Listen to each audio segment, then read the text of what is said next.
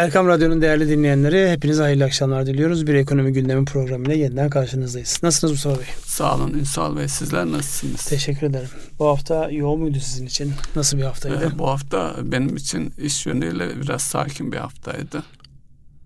Ne güzel. Ee, ama e, piyasalar konuşacağımız şeylere bakınca özellikle Merkez Bankası'nın faiz kararı vardı. Ee, o eksende e, konuşabiliriz. Evet o eksenine başlayalım isterseniz. Merkez Bankası bu hafta para politikası kurulu toplantısını yaptı. Ee, beklenen şey oldu. Yani uzun zamandan beri Merkez Bankası piyasanın beklediği yönde hareketler ediyor. Dolayısıyla bunun vermiş olduğu bir avantaj var. En azından öngörülebilirlikle alakalı kısım e, büyük ölçüde halledilmiş durumda. E, beklendiği gibi politika faiz oranı %45 olarak sabit tutuldu. Metinlerde e, bazı değişiklikler var. Yani enteresandır işte bu Amerikan e, ekonomist yorumları ya da ekonomi yorumlarından kaynaklanan işte güvercin açıklamalar, şahin açıklamalar gibi şeyler var. İşte eğer enflasyonda beklenen geri geliş olmazsa sık para politikasında artırılarak devam edecek ya da ilave tedbirler alınacak şeklindeki bir ifadeyi onu şahin bir duruş olarak yorumluyor piyasa. Halbuki bu her dönemde vardı yani. Yeni bir şey değil. Sadece ifadeler değişmiş. Şimdi burada ifadelere teker teker girip şey yapmayalım. Netice itibariyle teknik anlamda bu işle ilgilenenler gitmiş oraya bakmıştır. Bu neyi değiştirir sorusunun cevabına bakalım isterseniz. Yani 45 ne anlama geliyor? Önümüzdeki para politikası e, kurulunun toplantısı hemen seçim öncesinde olacağı için onunla alakalı çok fazla bir beklenti yok. Sadece e, dün yani perşembe akşamı ve bugüne yansıyan şeyle baktığımızda e, bankaların Merkez Bankası'na elindeki fazla likiditeyi verdikleriyle onunla aldıkları rakam arasında yani politika faiz oranıyla onun arasında böyle bir buçuk puan gibi bir fark oluştu. Yani 46.50'lerde oluştu. Dolayısıyla Merkez Bankası bankaların elindeki bu parayı niye 46.50'den alır? 45 varken orada. Yani kendi sıkılaştırdığı şeyi bir anlamda biraz daha yukarı çekip paranın miktarını azaltarak bir kıtlık psikolojisi oluşturmaya çalışıyor? Buradaki görüşlerinizi rica etsem. Ee, daha önceki e, haftalarda da gündeme gelen bir husustu. Ee, Merkez Bankası'nın e, faiz yanı sıra araçlardan bir tanesi de piyasadaki para miktarının azaltılması. Şimdi daha önceki enflasyon toplantısında da e, Cevdet Akçay'ın da ifade ettiği bir husus vardı.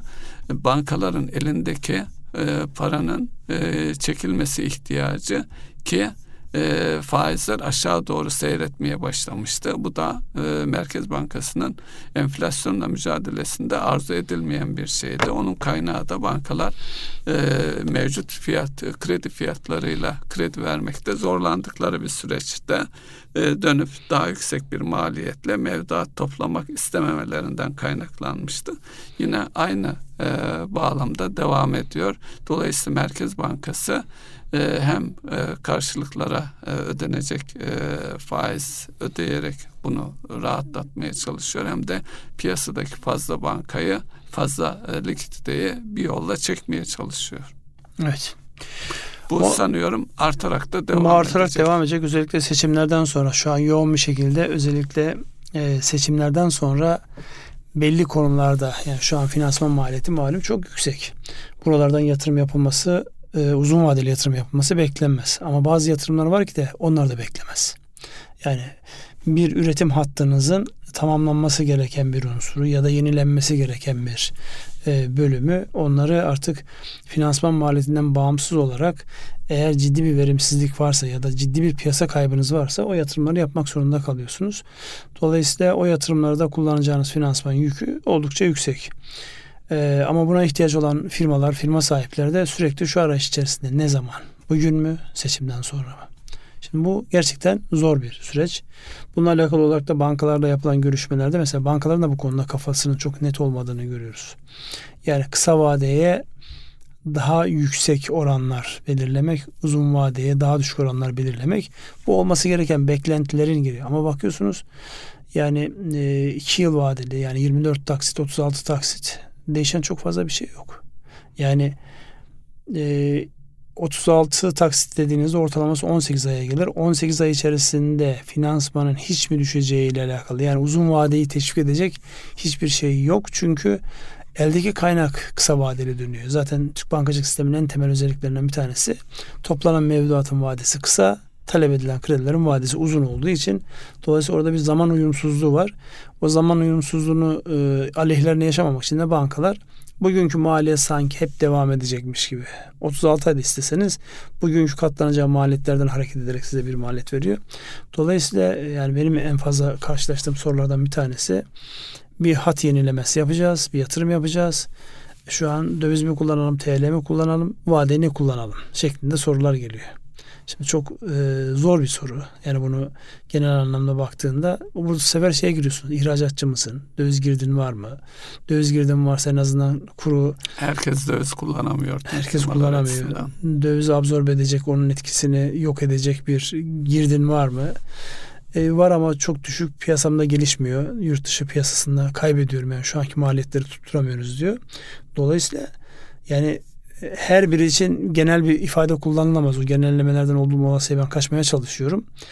E, teker teker baktığınızda da o kadar kolay değil karar vermek. Çünkü maliyetler gerçekten yüksek. Yani e, yani finansman maliyetinin yüzde sekiz dokuz onlarda olduğu bir dönemde ya bir puan farkı göz ardı edebiliyorsunuz ama şu an baktığınızda 20 puan 30 puan fark çıkıyor eğer ileride e, politika faiz oranı aşağı gelir ekonomi bu anlamda bunu kabullenecek enflasyonla beraber kabullenecek bir atmosfer oluşursa e, öbür taraftan da yatırım imkanları var. Piyasanın kaybedilmemi. Bırakın yeni müşteri edinmeyi. Mevcut müşteriyi kaybetmemek için yatırım yapmak zorundasınız.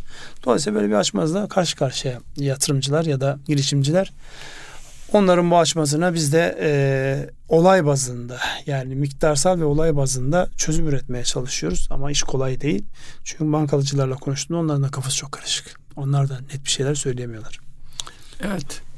Ee, tabi burada e, kur da e, önemli unsurlardan bir tanesi. Kurların gelecekte ne olacağı. Şimdi enflasyondaki gelişmeye bakınca kurla e, birlikte düşündüğümüz zaman kurların enflasyona göre daha e, zayıf iler e, artış e, olacağı görülüyor. Uzun vadeye bakıldığında da enflasyon eğer 36 ile bu yıl sonunda e, sonuçlanacaksa e, kurunda geleceği seviye e, e, enflasyon açısından belirleyici olacaktır. Özellikle ülkemizdeki enflasyon kur ilişkisi hem ihracat tarafını etkiliyor hem de içerideki enflasyonun seviyesini etkiliyor. Bununla ilgili nasıl bir adım atılabilir? E, çünkü ihracatçı tarafında özellikle e, Batı Avrupa ülkelerine yapılacak e, ihracatta bir sıkışmışlık söz konusu. İş alabilmek için verdikleri fiyatlar gelecekte kurun belli bir seviyede artmasına bağlı. Ancak kur ve ihracat ilişkisi de bir handikap olarak duruyor. Çünkü e, ihracatımız yüksek teknoloji ürünler değil, daha çok düşük ve orta teknoloji ürün e, teknolojili ürünlere dayalı olduğu için yani fiyat belirlemede yeterince güçlü olmadığımız açık. Bununla ilgili iş adamı derneklerinden e, seslerini yükseltenler var. Ama bu da e, bir karşılıklı olarak bir döngüye e, neden oluyor. Bunu nasıl e, açıklamak? Şimdi kur konusu malum e, herkesin gündemini alıp kendi görüşünü kendince hakkı olan gerekçelere dayandırılarak ortaya konmuş bir şey. Bir kere döviz e, kur ne kadar artar sorusunun cevabı olarak baktığınızda şu an yani seçim öncesinde böyle olduğu için mi oluyor yoksa bu yani tedrici olarak yavaş yavaş arttırılma noktasındaki iradenin yansıması mıdır? Ona baktığımızda yani tam orta vadeli programda belirtilen e, yılın ortalısının 36 olduğu, yılın sonunun 41-42 olduğu gibi görünecek, olacak gibi bir görüntü var. Bir de enflasyonu işin içerisine kattığınızda enflasyondaki %36'lık hedeflemi dikkate aldığımızda en azından kur yani enflasyonun altında olmasa bile enflasyon kadar artar düşüncesi. Onu da hesapladığınızda yine 42'lere geliyor. Yani çok böyle anormal yukarılara gitmiyor yani sene başından başladığımızda. Dolayısıyla 2024 yılında kur konusunda e, Merkez Bankası elinden gelen imkanlarla kendince buraya cevap verecek gibi gözüküyor. Merkez Bankası rezervlerinde azalma var. Son iki aydır 11.2 milyar dolar seviyelerinde. Dolayısıyla Merkez Bankası rezervlerindeki zayıflama kur üzerindeki yukarı doğru baskıyı artıran bir unsur diyebilir miyiz? Deriz onu yani zaten e, Perşembe günü onu gördük farkındaysanız. E, para politikası kurulu kararını açıklamadan önce biraz daha yukarılardaydı. 31'in ortalarına falan gelmişti. 31.50'lere falan gelmişti kur. Sonra bir 31'in altına sarktı. Tekrar 31'in üzerine çıktı yani. E, bugün tekrar 31'in üzerlerinde görüyoruz. Dolayısıyla yani en azından şunu görüyoruz. Bir taraftan e, kur korumalı mevduattan çıkan insanların bir kısmı e, fiziki olarak efektif talebinde bulunuyor. Yani bu döviz büfelerine, kapalı çarşıya ya da bankaların şeyine bakıyorsunuz, makasa bakıyorsunuz. E, diyelim e, bugün döviz alacaksınız. E, 31.80'ler yazıyor. Döviz satacaksanız 30.50'ler yazıyor. Yani döviz alacaksanız e, kambiyo gider vergisi var. Evet, kambiyo gider vergisi var. Orada makas çok açık olduğu için yani orada insanların yani günübirlik işlem yapma şansı yok. Fakat uzun vadeli olarak yani bugüne kadar kur korumalı mevduattaydım. İşte seçim her ne olursa olur bir ihtimal dahilinde ben biraz döviz riskini e, en azından kendimi korumak amaçlı olarak deyip bir talep oluşturduğunuz zaman otomatik olarak bu Merkez Bankası'nın rezervlerine bir şekilde yansıyor. Dolaylı olarak eğer bu e, insanların kasasına gitmiyorsa, kiralık kasalara gitmiyorsa bir şekilde bankacılık sistemine tekrar dönüyor. Ama ve lakin e, dövize olan ilgi kırılmamış oluyor. Bizim zaten temel problemimiz kur korumalı mevduatta da işte %62'lerden kur korumalı mevduat geldiğinde TL'nin payı artıyormuş gibi göründü ama özünde bir kura endekslilik var yani ben onu e, o dönemdeki e, bu işi yönetenlerle de çokça tartıştığım mevzulardan bir tanesiydi. Kur korumalı, kura endekslemek sizi kurdan korumuyor yani. En azından muhatap olarak, devlet olarak ya da bunun muhatapları olarak o kadar bir külfetiniz oluşuyor. Tek oradaki şey nedir? Türk lirasını endekslediğiniz için insanların sizden döviz isteme şeyi yok. Yani ona tekrar TL diyorsunuz. Ne kadar? İşte e, o koruma dediğimiz rakamdaki artış oranı kadar. Dolayısıyla buradan baktığımızda e, şu an dövize olan ilgi bir şekilde devam ediyor. E, ihracatçılar açısından sorduğunuz soruya geldiğinde ihracatçılar açısından mutlak belirleyici midir? Yani ben aslında burada özellikle firmaların arka tarafında bildiğim için maliyet yönetimi noktasında sadece kur değil bizim genel anlamda maliyetlerimizi yönetememek gibi bir sıkıntımız var.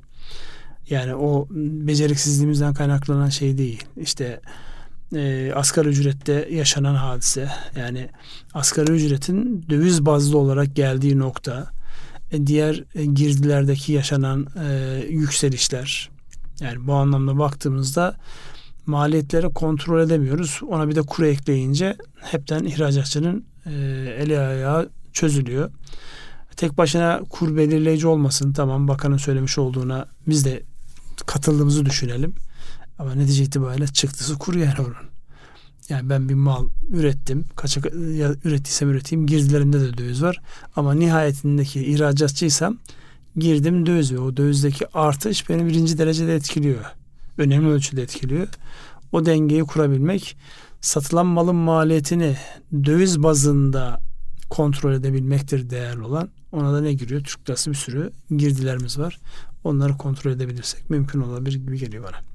Evet yani bu risklerden biri olarak risk önümüz, önemli bir risk önümüz. olarak e, gündemimizde duruyor. Yani önümüzde en önemli risk duruyor. o mudur diye sorduğumuzda bence en önemli risk özellikle bu enflasyonda beklenen iyileşmenin gerçekleşmeme hali daha büyük bir risk. Artık yapışkan hale geldi. inmiyor, indirilemiyor. Dolayısıyla insanların zihni bozul, zihinleri iyice karışıyor. Her bahane fiyatları yukarı taşımak için bir gerekçe haline geliyor. İşte şimdi özellikle e, Ramazan'a şurada çok az bir zaman kaldı. Şimdi çok yoğun bir şekilde e, Ramazan bahanesiyle özellikle o dönemde yoğun tüketilen işte bakliyattır, zaten et konusu, kıyma konusu evet. apayrı bir noktaya geldi. Yani her her sene biz bu, bu vakitlerde bir böyle bir şoku yaşıyoruz. Gene o şokun arefesindeyiz yani. Şu an baktığımızda e, kıymanın kilosu 500 lira üzerine çıkmış. Fiyatların yükseldiğini net olarak görüyorum. Aynen. Siz de fark ediyorsunuz. Çok net her tarafta. Ramazan'a daha iki hafta var yani. Her tarafta yani özellikle bir de son zamanlarda e, e, kulakları çınlasın. Nurettin Nebati işte dana eti yemeyin, kuzu eti yiyin gibi böyle bir e, şey vardı. Onun bir yönlendirmesi vardı. Şu an kuzu eti yani koyun eti kopmuş gitmiş vaziyette. Makas açılmış vaziyette. Evet. Eskiden yani başa baş giderdi. Biraz fark ederdi şeyden dolayı ama şu an inanılmaz şey oluşmuş vaziyette. Makas oluşmuş vaziyette. Artık e, kasaba gittiğinizde abi fiyatlar çok yukarı yani bir mahcubiyet hissediyorsunuz. Evet. Yani adam bir önceki gidişinizde ki fiyatı etiketi değiştirmiş ya ne oldu bu fiyatlar diyorsunuz. Yani ona ne oluyorsa mahcup bir vaziyette. Yani vallahi ben yapmadım diyecek neredeyse yani. Evet. Ama şu an o mahcubiyet e, belli noktalarda yüzsüzlüğe doğru gitmiş vaziyette gördüğümüz kadarıyla. Ortada hiçbir maliyet artışı yok bilmem ne yok ama hazır bahane değil fiyatlar yüzde yirmi yüzde otuz arttırılmış gözüküyor görebildiğimiz kadarıyla bilmiyorum. Şimdi ekonomiyi etkileyen unsurlardan bir tanesi de seçim sonu senaryoları. Ee, bu konuda e, nasıl bakmak lazım? Çünkü seçim sonrasında e, özellikle e, parasal sıkılaştırma noktasında daha sert tedbirler alınacağına ilişkin bir takım senaryolar e, köpürtülmeye devam ediyor. Dolayısıyla buradan hareketle de e, özellikle firmalar tarafında e, herkesin dikkatli olması gerektiği e, gibi bir noktaya gidiyor. Ee, buna seçim... ilişkin de bakanın açıklamaları var. Yani e, seçimden sonra da e, şeylerin çok fazla ekonomi politikasında herhangi bir değişim olmayacağına yönelik sosyal medyadan, medyadan yaptığı rahatlatıcı bir e, açıklaması var. Genel olarak e, nasıl bakılır? Bakılabilir. Yani şimdi makro anlamda baktığında özellikle yani para piyasaları, sermaye piyasaları açısından baktığında hani oradaki tedbirler, orada atılan adımlar neyi neye yaptıklarını anlıyoruz.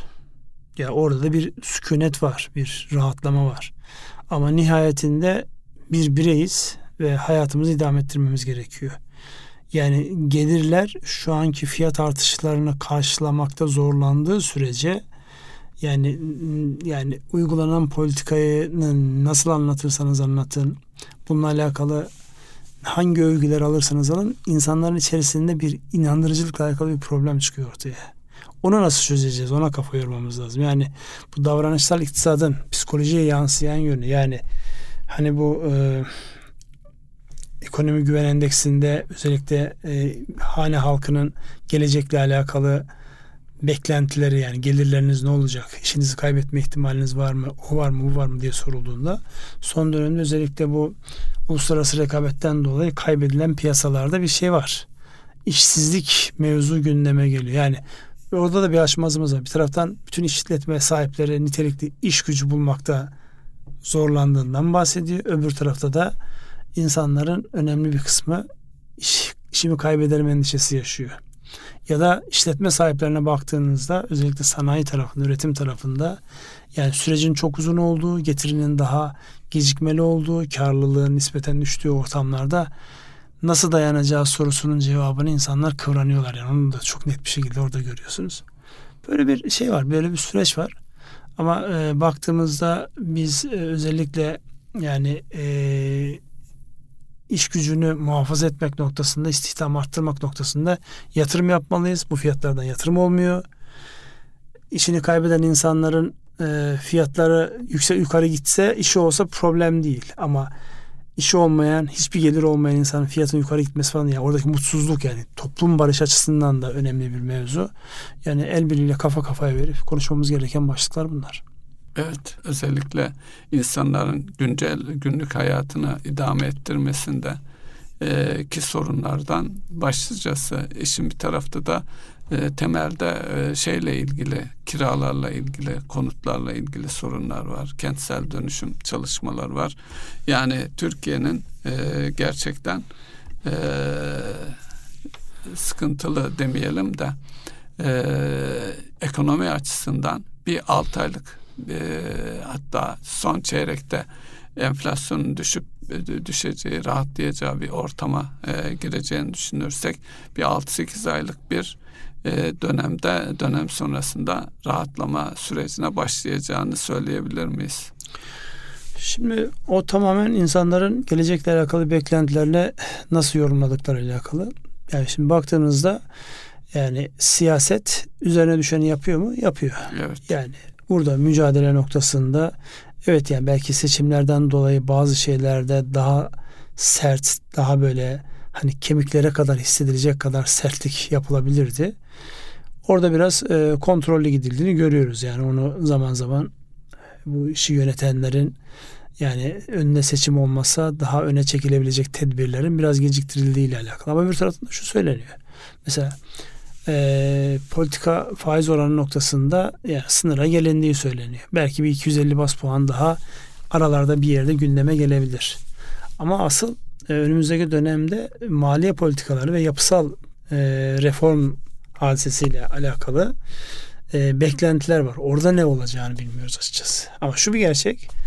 Ya seçim sonrasında özellikle yani yıllarca hep böyle vergi aflarıyla affedilmiş bilmem e, bir şekilde ödeyenlerin cezalandırıldığı ya, ya da ya da kendilerini kötü hissettirildiği ortamdan biraz daha böyle işletmelerin üzerine gidecek de işletmeler o dönemlerin hangi pozisyonda olacak sorusunun cevabını çok fazla bilmiyoruz. Çünkü bir taraftan da işte karşılık çiçekler, konkordotalar, bunlara hazırlıklar devam ediyor yani dolu dizgin devam ediyor. Dolayısıyla bu zorlu sürecin bir bedeli olacak. 6 ay sonra rahatlar mıyız? Yani bu cümleyi kimse kuramaz bence. Temennimiz alınan tedbirler yani atılan adımlar doğru adımlar. O adımlara uygun olarak bütün tarafların iştirak etmesi halinde olur. Sadece hükümetin e, adım atmasıyla olacak hadise değil işte. E, Ramazan'ı bahane ederek fiyatlara yüzde yirmi, yüzde otuzu ekleyen nasıl e, hükümet kontrol edecek? Neyle kontrol evet. edecek? Bu da ülkemizin yapısal bir sorunu diyebiliriz. Yani. Evet yapısal bir sorun. Ee, evet konularımızdan siz az önce e, iş kaybı e, endişesinden bahsettiniz. Bir taraftan da iş dünyasının, firmaların e, eleman ihtiyacı var. Özellikle arama, ara eleman diye tabir edilen e, mühendislerin altında çalışacak eleman ihtiyacı had safhada. E, bu konuyu e, nasıl ele almak e, lazım? E, daha önceki çalıştığımız şeylerden şunları hatırlıyorum. Çok sayıda mühendisimiz var. Mühendis aradığınız zaman e, CV'de, CV'ye boğuluyorsunuz. Ancak ara eleman aradığınızda da kimseyi bulamıyorsunuz. Bir taraftan da firmalara baktığımız zaman firmalar da şunu söylüyor. Biz e, birkaç milyon dolara aldığımız makinaları, e, üretim tezgahlarını, CNC'leri e, bir teknisyene değil bir mühendise teslim etmek istiyoruz. Ancak mühendisler de e, şeyde sahada çalışmak istemiyorlar. Odalarında masa başında çalışmak istiyorlar. E, bu bir handikap. Ücret seviyesi olarak da eğer siz nitelikli bir e, usta seviyesinde e, bir e, kişiyseniz aldığınız ücret mühendisten yüzde otuz, otuz beş civarında yüksek bir ücrete tekabül ediyor. Daha işin başlangıç tarafında. Ee, insanlarımızı özellikle gençlere yeni yetenek kazanmaları konusunda nasıl bir politikaya ihtiyaç var? Orada neler yapılıyor? Yapılabilir. Herkes bundan yakınıyor. Herkesin çeşitli önerileri var. Ancak adım atma noktasında da somuta geldiğimizde çok fazla bir şey görmüyoruz. Valla gençlerden önce ailelerin bence zihin değişikliğine ihtiyacı var. Yani herkes çocuğum üniversite mezun olsun diyor. Şimdi hep, tamam hepimiz çocuğumuzun üniversite mezun olmasını isteriz yani iyi eğitim alsınlar.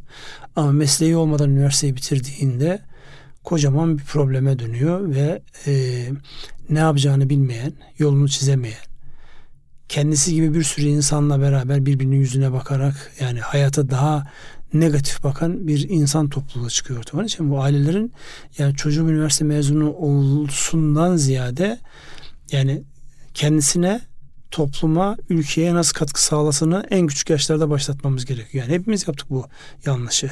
Yani beyaz yakalı olmak sanki herkes böyle beyaz yakalı işler yapacak. Yani şimdi baktığında bir gerçek var. Ben mesela şu an böyle lise öğrencileriyle falan sohbet ettiğimde girişimci olabileceğiniz bir e, mesleğiniz olsun. Yani şu an başlayın, teknisyenlikten başlayın.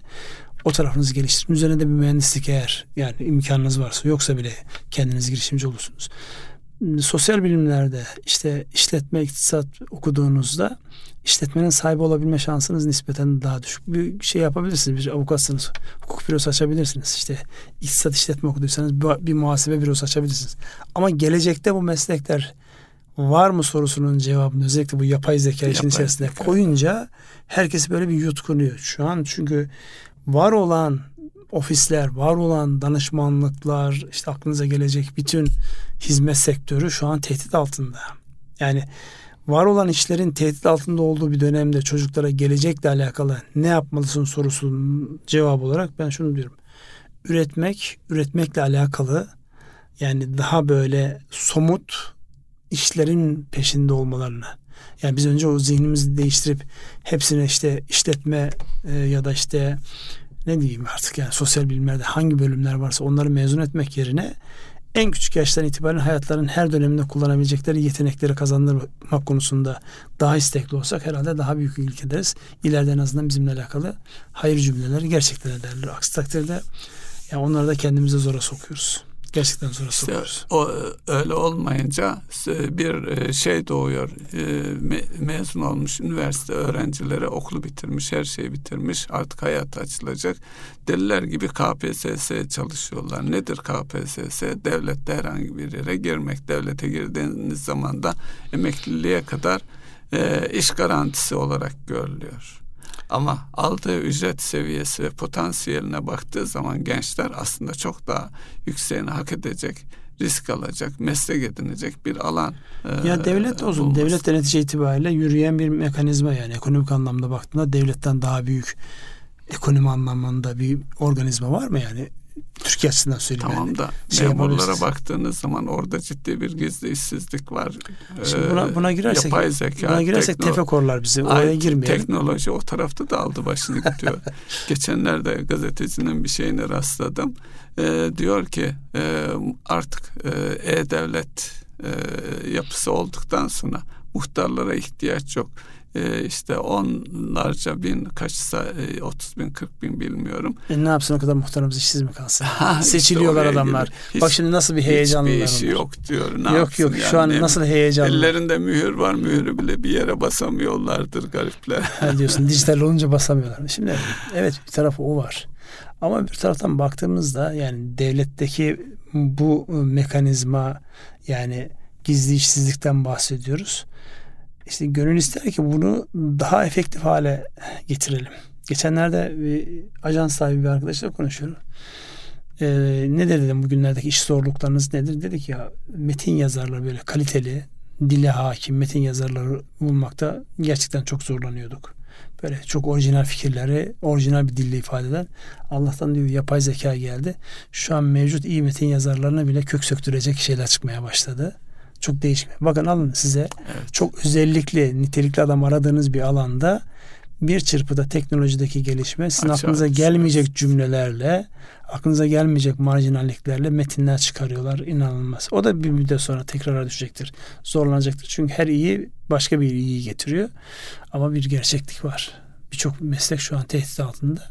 Onun için biz Hazreti Ali'nin o sözü ne kadar değerli ve güzel. Çocuklarınızı kendi zamanınıza göre değil, yaşayacakları zamana göre hazırlayın cümlesi. Şu an iliklerimize kadar şey yapıyoruz. İmam hatiplerin önünü keseceğim diye ideolojik takılan insanlar şu an ülkeyi orta kademe e, teknisyen problemiyle ara kademe iş gücünü mahrum ederek yani kendileri ne kadar rahatsızdır bilmiyorum ama ülkeye böyle bir bedel ödettiler. Bu bedeli biz kendi ellerimizle aileler olarak her çocuğu üniversite mezunu yapacağız takıntısına gitmeden bir şekilde göz önünde bulundurmuyoruz. Tamam üniversite okumak istiyorsa buyursun okusun ama muhakkak öncesinde üniversite bir yetkinliği olsun. Meslek e, lisesinden sonra okusa Aliyül Ala evet. olacak. Yani işletme okuyacak önce işte ne okusun? Ee, eskiden ticaret liseleri vardı ya. Evet. Ticaret lisesi okusun gitsin işletme okusun. Ya da işte mühendis olacaksa önce Endüstri Meslek Lisesi'nden bir evet. torna tezgahında o önlüğü bir giysin.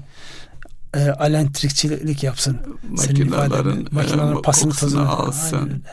E, o motorların sesini duysun.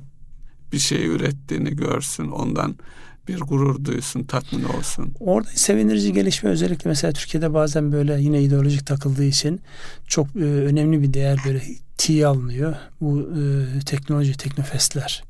Evet. Oradaki o çocukların o proje yapmak için işte bir şeyler yapmak için ki gayretleri mesela onlar böyle hani teşvik edilerek artırılarak o şeyi sağlar işte bizim o düşündüğümüz nitelikli katma değerli ürün üretmek noktasında müthiş bir şey olabilir. Bunların yaygınlaşması lazım. Yani kimsenin kimseyi böyle aa ne yapıyorlar ki ya da işte arkasına herhangi bir siyasi işte destek varmış onun ideolojik bir şeymiş gibi değil. Bunun bir gerçek. Yani o 1 milyon yazılımcı, 2 milyon yazılımcı fikirleri de doğru fikirlerdi. İşte arkası gelmiyor. Evet. Arkası gelmiyor. Onun arkasını getirecek iradeye ihtiyaç var. Ee, inşallah el birliğiyle o iradeyle En kolay yetiştirilecek şey de yazılımcılar yani. Birazcık matematik zekası olan biri için çok kolay. Bir de imkan var onun. Eskiden evet, çok zordu. Hatırlar mısın? Ve Biz yatırım da kolay. Bir bilgisayara sahip olacaksın ki var zaten hepsinin bilgisayarları. Ya üniversiteye gittiğimiz zamanlarda şey yok, bilgisayar falan yok. Millet gidip o garip garip kartlara basıyorlar. Evet. O öğrendikleri dillerle yani yazılım çalışanların bile Commodore bilgisayarları. Ona sizin oyun bilgisayarı da. Ama yani o dönemdeki imkanlarla şu ankine baktığımız evet yani o e, proje farklı alana e, şey yapabilir yani bunu bir hobi olarak bir spor gibi yazılımı insanlara geliştirilebilir ve farklı bir alan oluşabilir. Neyse süremizin neresindeyiz onu söylemediniz. Ee, süremiz e, aşağı yukarı evet. bir 10 dakikadan biraz fazla 10 dakikadan var. biraz daha fazla vaktimiz var. Dağıldık şimdi bizi bu anlamda kovalayacaklar. Diyecekler ki yani ne e, söylüyorsunuz siz? E, politika faiz oranından girdiniz, enflasyonundan girdiniz. En son gele gele e, insanların işleriyle alakalı özellikle çocuklarına e, ne layık gördükleri üniversitelere dil mi uzatıyorsunuz şeklinde. Hayır biz üniversitelere dil uzatmıyoruz. Söylediğimiz şu. E, meslek edinmeyi, sorumluluk almayı, yetenek kazanmayı, yetkinlik kazanmayı daha öne çekmemiz icap eder. Yani üniversiteyi bitirdiğinizde 25'li yaşlara geldiğinizde e, bu konular ister istemez insanların e, isteseler de eğilip bükülemeyecekleri hale geliyor. Ağaç yaşken eğilir lafın öylesine söylememiş herhalde. Daha erken yaşlarda sorumluluk vererek yetkinlik kazandırmaya çalışmak sonrasında insanlar istiyorsa onun üzerine başka şeyler ekleyebilir. Şimdi bu arada tabii biz Gazze'yi unutmuş değiliz. Gazze'de zulüm devam ediyor. Soykırım devam ediyor. Yani eli kanlı İsrail ve onun arkasındaki e, her anlamda kendisini yani köle gibi hisseden garip bir dünya bütün dünyanın gözü önünde insanlar teker teker şey yapıyor. En son refah oralarda biliyorsun evet. bombalandı. İşte Mısır'la yapmış olduğumuz şeylerde İslam dünyası olarak net bir tavır çıkmadı hala. Sesimiz çıkıyor ama etkimiz bu anlamda maalesef istenen ölçüde değil. Oradaki insanlar gün gün yok olup gidiyorlar. Öbür taraftan da tabii dünyanın ticareti özellikle yeni coğrafi figürlerle şekilleniyor. İşte şeyin Çin'in kuşak yol projesi ona karşı Hindistan'dan başlatılıp aslında arkasında İngilizlerin ve Yahudilerin olduğu farklı bir proje. Türkiye'nin bypass edildiği bir proje. Ve bunların mihenk noktasında önümüzdeki dönemde en çok konuşacağımız bir kara parçası. Minik bir kara parçası denizin ortasında. Kıbrıs.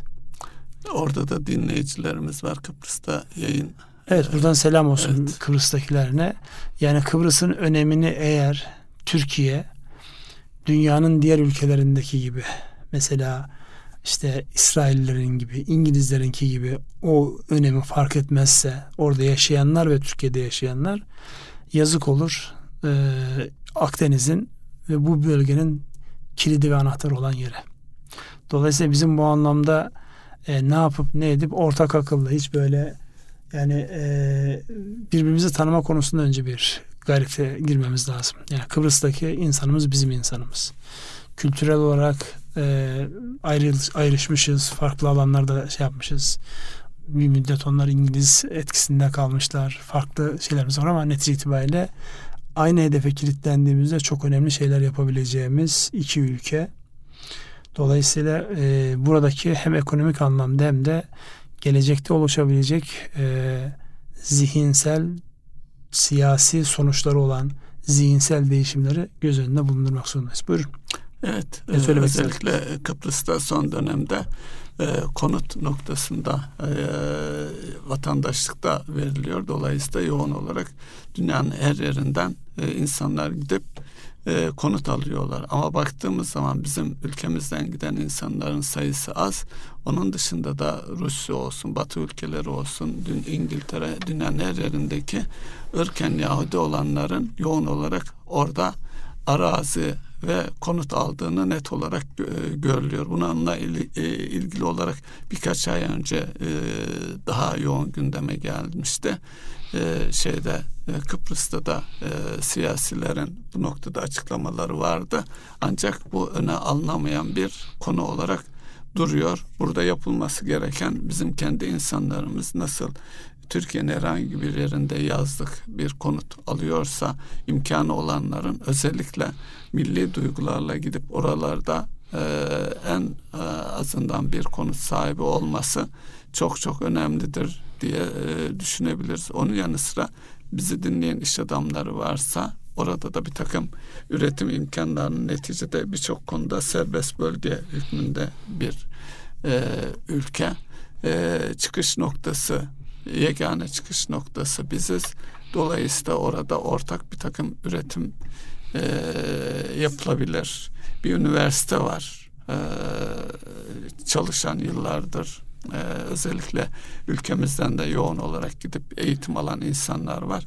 Dolayısıyla bu ilişkileri daha da artırıp oralara yatırım e, ortak yatırımlar yapılması hayati öneme haiz diyebiliriz ki çevresinde de gelecekte büyük e, hidrokarbon yataklarının, doğal gaz yataklarının olduğu ve Gazze'deki e, kavganın bir nedeninde e, oradaki doğal gaz olduğu düşünülürse bizim e, her şeyi devletten beklemeden e, imkanı olan insanların ve iş adamlarının ilgisini oraya çevirmesi yararlı ve şarttır diye düşünüyorum.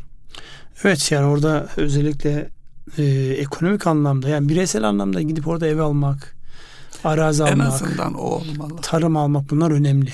Ben o en azı kısmına katılıyorum. Bütün kalbimle katılıyorum. Yani yazlık almak istiyorsan oraya git çiftlik yapmak istiyorsan oraya git. Çünkü yani tamam sulamayla alakalı Türkiye'den orada sulama projeleri de bir şekilde devreye alınıyor. Yani en azından çok böyle hani Suudi Arabistan'ın çölü gibi değil orası. Kendine göre imkanlar olan yerler. Onun ötesinde aslında bizim kafa yormamız gereken, üzerinde ciddi düşünmemiz gereken iş insanlarımızın oradaki iş insanlarıyla, iş adamlarımızın iş adamlarıyla birlikte iş tutabilmesi.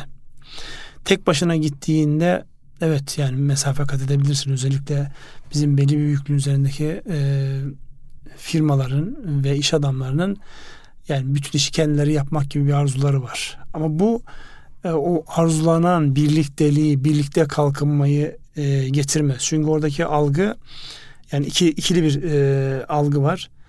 Yani Türkiye oraya bakıyor Onlarda her şeyi siz veriyorsunuz bizim elimizden hiçbir şey gelmiyor. Yani ikisinde aslında baktığınızda az önceki çocuklarla alakalı konuştuğumuz çocuklarımızla gençlerimizle alakalı konuştuğumuz mevzu. Yani yetenek kazandırmadan sadece imkan sağladığında mutlu olmuyor insanlar. Birlikte yetenekleri geliştirmemiz gerekiyor. Yani Kıbrıs'taki ki Kıbrıs'taki insanların önemli kısmı uluslararası yani o İngilizlerle beraber kalmaktan dolayı birçoğunda İngiliz vatandaşlığı ya da pasaportu da olmasından dolayı yani en azından dünyanın şu an en çok yoğun konuşulan diline de hakimiyet var. Birlikte iş yapma arzumuzla ancak geliştirebiliriz. Tamam tek başına gitsin yatırımlar yapsınlar. Ev alsınlar, tarım arazileri alsınlar, çiftlikler kursunlar ama oradaki insanlarla beraber yani oradaki insanların kendilerine ya işte birileri geldi ve biz devre dışı kalıyoruz dediğinde o gelen birinin İngiliz olması, Fransız olması, Yahudi olması fark etmiyor. Eğer biz onlara kucak açmaz isek, birlikte bir şey yapmazsak o anlamda e, şey yapmak lazım. Bir de e, Kıbrıs Vakfı'ndan e, başkanımız Semahattin Bey'in söylemiş olduğu bir şey vardı. O çok hoş bir şeydi. Bizim insanımız pazarlığı çok seviyor. Kıbrıs'takiler pazarlığı sevmiyor. Pazarlık yapmayı kendilerine şey olarak yani ben seni dolandırmıyorum ki niye pazarlık yapıyorsun? Ben sana herhangi bir şey yapmam. Kültürel anlamda da bir şey var. Birbirimizi de bu anlamda anlamak noktasında e, daha olumlu ılımlı yaklaşabiliriz. İnşallah e, bu güç birlikteliğimizde her ülkenin, her iki ülkenin, her iki toplumun da faydasına şeyler çıkar diye umut ediyorum. Evet yani Kıbrıs mevzu önemli bir mevzu. İstersen şöyle yapalım. Her hafta diye bir e, şirket var Amerika'da. Şu cümlemi tamamlayayım. Her hafta Kıbrıs'la alakalı orayıdaki bir önemli haberi de kendimizce yorumlamaya çalışalım. En azından Kıbrıs'ı oradakileri de dahil edelim. Çünkü evet. orada da yayın yapılıyor. Ee, oraya da bir mesajımız olsun. Evet orayla da ilgilenmemiz yani orayı da gündemimize almamız önemli bir başlık olur ekonomik şeyde. Nedeniz? Ee, Nvidia diye bir e, çip hmm. üreticisi özellikle yapay zeka konusunda bir firma 2019'da e, faaliyeti geçiyor ve şu anda dünyanın en değerli üçüncü e, firması 2 trilyon doların üzerinde bir değere ulaşmış durumda. Ee, ve son haftaki artışla birlikte özellikle Amerika'da ve oradan hareket ederek tüm dünyada e, teknolojiyle alakalı şirketlere olan ilgiyi artırarak e, borsaların bir rally yapmasına neden oldu. Bu devam edecek mi? E, iş nereye varacak? Özellikle yapay zeka ile de birlikte düşünürsek. Yani devam edecek mi? Şu var bir kere teknolojinin bütün borsaları, klasik ekonomileri sürükleme konusundaki etkisi devam edecek. Yani e, geçenlerde işte beklenen bilançolarda bu firmayla alakalı söylenen sözler duyunca artık herkesin dikkati oraya kesilmiş. Bir de oradaki büyüklük, ulaştığı piyasa değeri yani çok eski değil yani firmaya baksanız belki kuruluş eski olabilir ama yani şu 2019. şeyi e, hareketi yakalanması işte çip krizi işte arkasından pandemi. gelişmeler pandemi bunlar peş peşe böyle e, fırsatları getiriyor. Zaten bu yüzdendir ki şu an birçok firmamızın gündeminde birçok e, büyük firmanın gündeminde ve küçük melek yatırımcıların gündeminde teknoloji firmalarına yatırım yapmak var. Yani bu anlamda güzel gelişmeler oluyor fakat biraz geç kalıyoruz. Biraz da az önceki o Kıbrısların rahatsız olduğu mevzu var ya pazarlık noktasında yani fikir güzel ticarileşebilir ama böyle satanın pazarlığıyla almak isteyenin pazarlığından dolayı e, birçok fikir hayat bulmadan yok olup gidiyor. Ya o konularda biraz daha paylaşımcı olmamız gerekiyor. Çünkü şu an e, en parlak fikirler bile yani orijinalitesi koruma süresi giderek azalıyor yani. Evet. Raf ömrü giderek azalan bir dünyada fikirlerimizin hemen hayat bulması, ticarete dönüşmesi ve yatırımcı bulması için de daha iştahlı olmalıyız. İşte 2019'da kurulmuş olan firma dünyanın en büyük üçüncü e, değerine ulaşan firma haline geliyor. E, bir de şöyle düşünelim.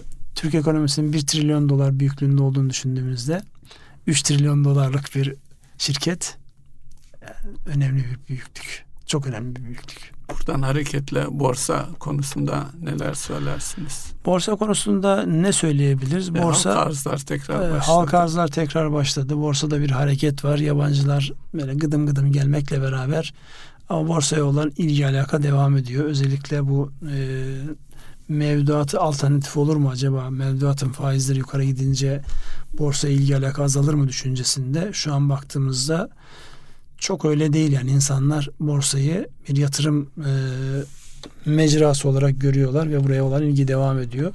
İşlem hacimleri artıyor. Yabancıların nispeten az olduğu bir ortamda borsa yukarı gitmeye devam ediyor. Ne kadar daha gider? Valla bütün yorumcuları dinlediğimde herkes böyle bir ayağı frende. İşte 9700'lere gelir aşağı gelir. 9400'lere geçerse işte orada üzerine kalması gerekir. Farklı yorumlar var. Şu anda işte gün içerisinde 9400'lere geliyor. Aşağı gidiyor. Bugün en azından görmüş olduğumuz şeyde. Ee, şu lazım uzun vadeli bakmak icap eder. Yani ben mesela e, günlük performanslara bakıyorum. Bakıyorsun bir şirket bir gün yüzde on gitmiş, ertesi gün yüzde on aşağı gelmiş.